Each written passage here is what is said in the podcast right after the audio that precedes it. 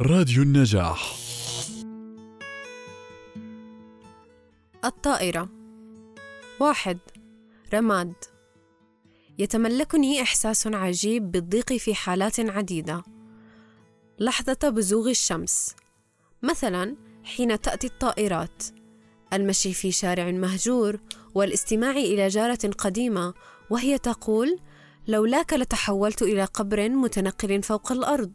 وسر العجب في هذا الإحساس أنه يتخذ عدة مظاهر لا رابط بينهما ولا صلة. يداهمني مرة على هيئة تقلص في عضلة الصدر. جهة القلب بما يشبه الذبحة الصدرية. التجلط انسداد الشرايين مصحوبا بنصائح الطبيب. الإقلاع عن التدخين الإقلال من القهوة والكحول عدم الإفراط في السهر والقلق. ويأتي مرات عديدة على هيئة هلوسة محيرة. كأن أتخيل مثلا أن جسدي كله يتحول إلى هيكل من الرماد. يتدحرج من سقف الجبل حتى يستقر على الشاطئ فيصير تلا صغيرا يتسلقه الأطفال وتستجم في أطرافه عائلة هاربة من رتابة البيت إلى أسياخ اللحم المشوي. هيكل رمادي يسير بقوة دفع البطارية الجافة. لا توقفه القذائف ولا يبالي بغارات الطائرات وهي تطارده من شارع إلى شارع. تطلعت إلى يدي فتبرأت مني. وقفت ماخوذا بمنظرها وهي تنط على رصيف كورنيش المنارة. وتتحول إلى عمود ضوء قبالة مبنى الجامعة الأمريكية. أذكر مرة أن عاشقين استظلا عمود النور في شارع باريس. تماما في نفس الموقع الذي اختارته يدي.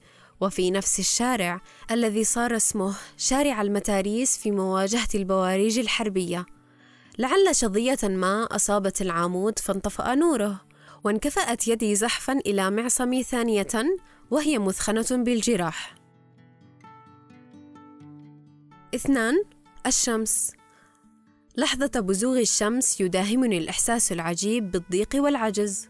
تقول أمي: الصحو المبكر هبة من الله لتتفرج على الدنيا وهي تتفتح مثل زهرة. تقطف لحظة الانتعاش الأولى فيصير يومك سعدا ومسعاك خيرا. تعرف أمي أنني أصحو مع أذان الفجر فأقرأ وأكتب حتى تفتح المكتبة أبوابها فأقطع الوقت على الشرفة مع فنجان القهوة وجرائد الصباح ثم أعود لأتسوق الخضار وأعود ثالثة إلى الفرن بيدي وعاء الزيت والزعتر لأحضر المناقيش الساخنة إلى إخوتي قبل ذهابهم إلى المدرسة. لا شيء من هذا القبيل يحدث الآن. أصحو فيصحو المتراس كله من غبش النوم إلى السيجارة وفنجان القهوة ونتفرج جميعنا على الطائرات وهي تمرق كالشهب وتغير تغير ثم يبتلعها بحر بيروت الغامض. دق اليمني تراب الساتر عض العراقي شفته السفلى.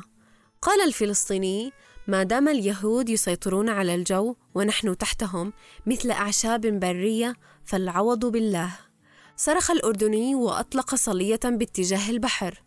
قال السوري لن نستطيع بناء مزرعة آمنة إذا لم نملك سقفا جويا واقيا من الغازات السامة. بكى المصري وترحم على جمال عبد الناصر. هذا هو طاقم متراسنا. سبعة أفراد. أنا اللبناني الوحيد بينهم وجميع أسلحتنا تخلو من أسلحة مجابهة الطائرات أو مناوشتها على الأقل. نصحو فتمرق الطائرات من فوقنا ونحن نغلي من الكمد والغيظ ونتحرك شوقا إلى دور ما يعيد لنا الثقة بالنفس. فيبرهن لأنفسنا عن جدوى بقائنا في المتراس الملاصق للبحر. ثلاثة لعبة. خشيت أن أفقد زمام السيطرة على المتراس وحالات من التوتر أخذت تغزونا واحدا وراء الآخر. فمنذ يومين والأردني يصر على الانتقال إلى موقع المضادات فلن نبقى كالجمال نجتر أدوارنا القديمة. وأخذ السوري معظم الوقت في مقر القيادة المنطقة وهو جسر الاتصال بينها وبيننا. ولا أدري ما الذي يحاوله. اليمني كان يزنر رأسه بعصبة حمراء وينطلق نحو الشاطئ فلا نلمح من جسمه الصغير سوى حركات يده ونقلات مشيته التي تشبه الحجل. لعله كان يرقص تلك الرقصة التي كان يسميها الشرح مستعيضا عن المرأة ببندقيته. فكرت بتنظيم ندوة ليلية نتحدث فيها بالتناوب. ابتدأها اليمني بحديث عام ليبرهن أن اليمن أصل العرب فمنها خرج الكنعانيون والفينيقيون الغساسنة والمناذرة والأنباط وإليها يعود نسب الأوس والخزرج. امرؤ القيس والمتنبي أبو ذر الغفاري والكاهن يثرون حمو النبي موسى. وبصعوبة بالغة استطعنا أن نعيده إلى الحاضر فليس من بيننا من يلم بالتاريخ القديم. لم يرفض اليمني طلبنا. وسرعان ما قال أن اليمن هي باروميتر العرب فمنها انطلقت حركات التصحيح على مآسي وآلام فلسطين. فأول رد فعل على النكبة جاء من اليمن بحركة عام 1948 وأول رد فعل على الانفصال جاء من اليمن بثورة أيلول 1962 وأول رد فعل على هزيمة حزيران 67 جاء من اليمن باستقلال جنوبه. اكتفى الفلسطيني بتوكيد جملة واحدة وهي أن الفلسطينيين في غضون ثلاثة آلاف سنة مضت حكموا أنفسهم لثلاث سنوات فقط. ومن حقهم على العرب أن يتفهموا شعار وحساسية الدولة المستقلة بالنسبة لهم. ندوة العراقي كانت ردا على سؤال لماذا يتحول الغناء العراقي إلى بكاء؟ والإجابة أن العراقيين من أكثر الشعوب العربية تعرضا للمجازر والبطش منذ أربعة آلاف سنة ولا علاقة لنمط الإنتاج الأسيوي بهذا القمع اكتملت ندواتنا في الأسبوع الأول وعدنا إلى حالة القلق والاضطراب واقترح أحدنا أن نخصص أسبوعا ثانيا لرصد ما يستورده العرب من العالم الخارجي. قال الأردني أحذية إيطاليا ألبان هولندا أرز الولايات المتحدة الأمريكية قهوة بريطانيا عطور فرنسا. قال اليمني رب البندورة الإيطالي والصيني. أرز باكستان والصين مسحوق الغسيل المالطي النبيذ القبرصي معلبات بلغاريا. أجهزة اليابان. قال العراقي كبريت السويد ملح الولايات المتحدة الأمريكية مناشف ألمانيا الغربية أبوات إسبانيا. قال المصري رمل استراليا وبغال قبرص. قال السوري شركات النفط خبراء التجسس المنشطات الجنسية. مرة أخرى لم تسعفنا المقترحات بتغطية كل الوقت. وبقينا أسرى الإحساس بالعجز ازاء الطائرات التي تأتي وتذهب.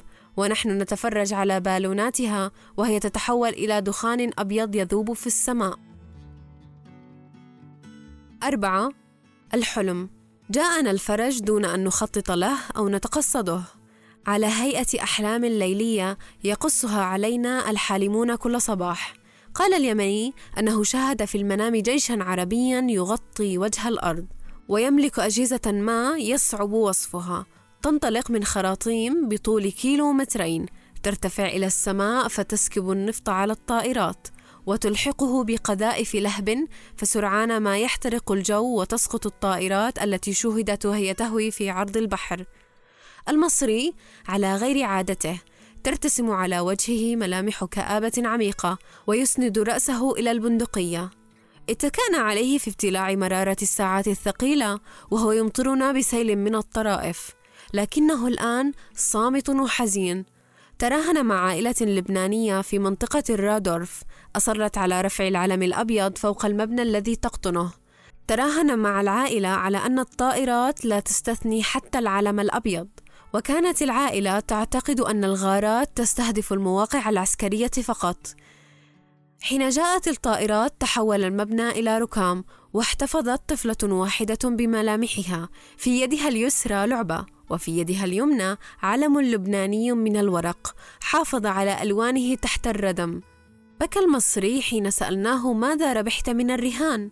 مسح عينيه بكم قميصه وقال الطفلة والعلم قلنا وماذا خسرت؟ قال مشروع أصدقاء غابوا وكأنهم حلم يقظة احتج العراقي على مواصلة تحليل أحلام المتراس وقال بثقة ويقين الأحلام أوهام يتخيلها المغلوب على أمره حتى ينتصر بالحلم أي حتى يحقق بالحلم ما يعجز عن تحقيقه في الواقع صدقوني أننا بحاجة إلى شيء واحد تطبيق قرار الاستنفار من الدرجة الأولى حتى تقرب ساعة الامتحان.